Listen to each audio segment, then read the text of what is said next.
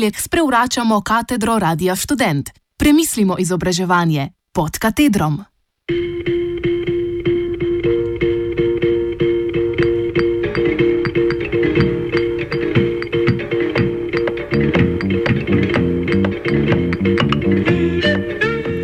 Učiteljica, kje pa lahko to preberem?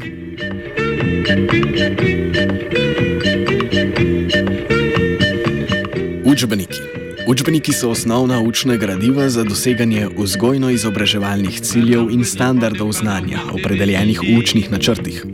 Z načinom organizacije vsebin in ustrezno likovno in grafično opremo podpirajo poučevanje in učenje. Vsebina in struktura učbenika naj bi omogočala samostojno učenje udeležencev izobraževanja in pridobivanje različnih ravni in vrst znanja. Učbeniki so vezani na šolske predmete ali module in stopijo stopnjo izobraževanja. Ustreznost učbenikov potrdi strokovni svet, ki poda oceno ustreznosti za učbenike prvega ocenjevalnega obdobja, ponekod do konca obveznega izobraževanja, ki pri nas v večini primerov sovpada s koncem osnovnošolskega izobraževanja, pa je obvezna tudi ocena razvojno-psihološke ustreznosti. Naši strokovnjaki za področje šolstva ugotavljajo, da se o kakovosti učbenikov premalo razglablja, da bi bilo treba napraviti celostnejše analize uporabe, za večjo učinkovitost pa raziskovati vlogo učbenika v izobraževalnem sistemu.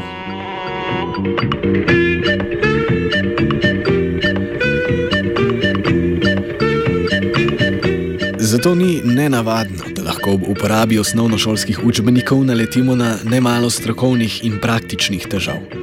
Vsaj pri predmetih matematika, slovenščina in angliščina prihaja, kar se tiče uporabnosti učbenikov, do precejšnjih razlik, še posebej pri učbenikih za otroke z učnimi težavami. O pregledu seznamov učbenikov za šest razredov osnovne šole lahko že ob majhnem vzorcu vidimo, da so stvari precej neusklajene. Pravzaprav ponekod niti niso ustrezne kontinuitete glede tega, kdaj se učbeniki pojavijo na seznamu šolskih potrebščin in kdaj spet izginejo. Učbeniki za matematiko, na primer, se na nekaterih šolah prvič pojavijo v petem razredu, drugot v šestem, v eni izmed šol je učbenik obvezen v prvem razredu, potem pa ga na seznamu potrebščin ni več vse do šestega razreda.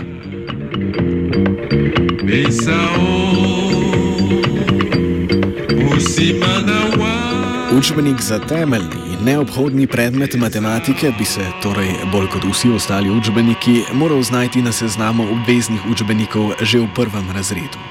Učence pa spremljati vsa leta šolanja, dokler jih spremlja matematika. Učenci z učnimi težavami, ki v šoli slabše sledijo, doma brez učbenika nimajo nobenih možnosti napredovanja, razen da se obrnejo na privatne inštrukcije.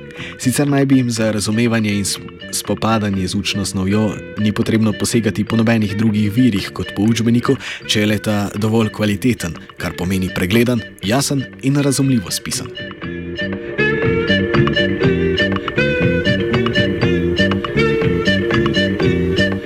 A v učni pomoči daš, današnjega učbenika je dejansko premalo učne pomoči. Če naj bi bili učbeniki osnova učna gradiva za doseganje vzgojno-izobraževalnih ciljev, naši učbeniki ne nudijo zadostne opore, informacije niso podane na ustrezen, razumljiv, dostopen, pregleden način. Nekateri učbeniki so tako rekoč neuporabni, vanje se je počasi zalezla permisivna logika, tiha ideja, šola je šala. Učbeniki za matematiko imajo tako imena igranje in zares v svet matematičnih čudes. Računanje je igra, matematika za radovedneže prodajajo se kot priložnost za sprostitev in igro, kar je obupna finta, na katero poskušamo ureči otroke. Učencem, ki že od vrca ločijo med igro in delom, naprimer risanje, ki poteka pri mizi in ga otrokom naloži vzgojiteljica v vrtu, otroci razumejo kot delo, risanje na tleh pa kot igro. women madiba balangwe diponde mbana okwe dinjalala bisao S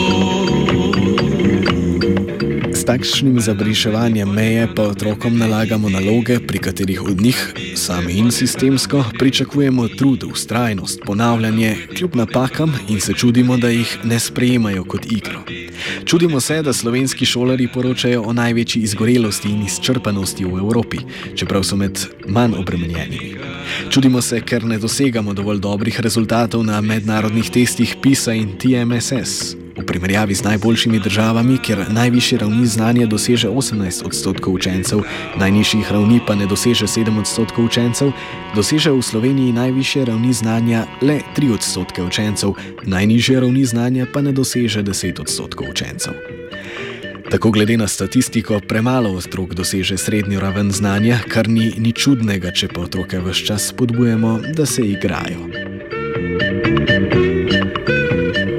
Abise ponde bana wende mwedidi Balangwedi ne bana wende na misodi Babise ponde bana wende na bongo. Kritiki tradicionalne šole so torej uspeli.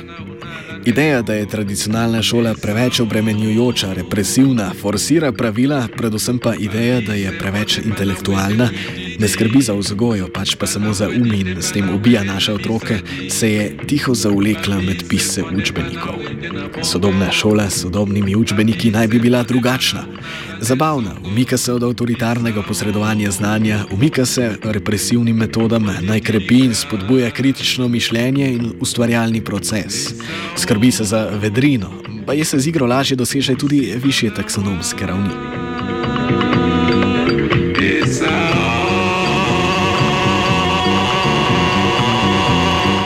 Učbeniki, spisani po logiki sodobne šole, ignorirajo osnovno nalogo šole, da izobražuje in vzgaja. Učbeniki so tu zato, da jasno, pregledno in dostopno pomagajo pri prenosu določenih znanj.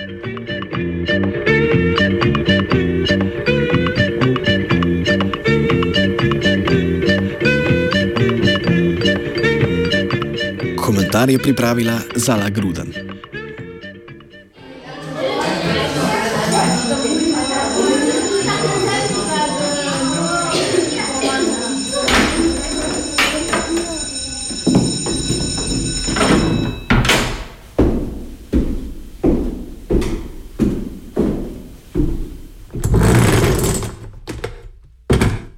Gostujočimi komentatorji in komentatorkami vsak ponedeljek sprevračamo katedro Radia Student. Premislimo izobraževanje pod katedrom.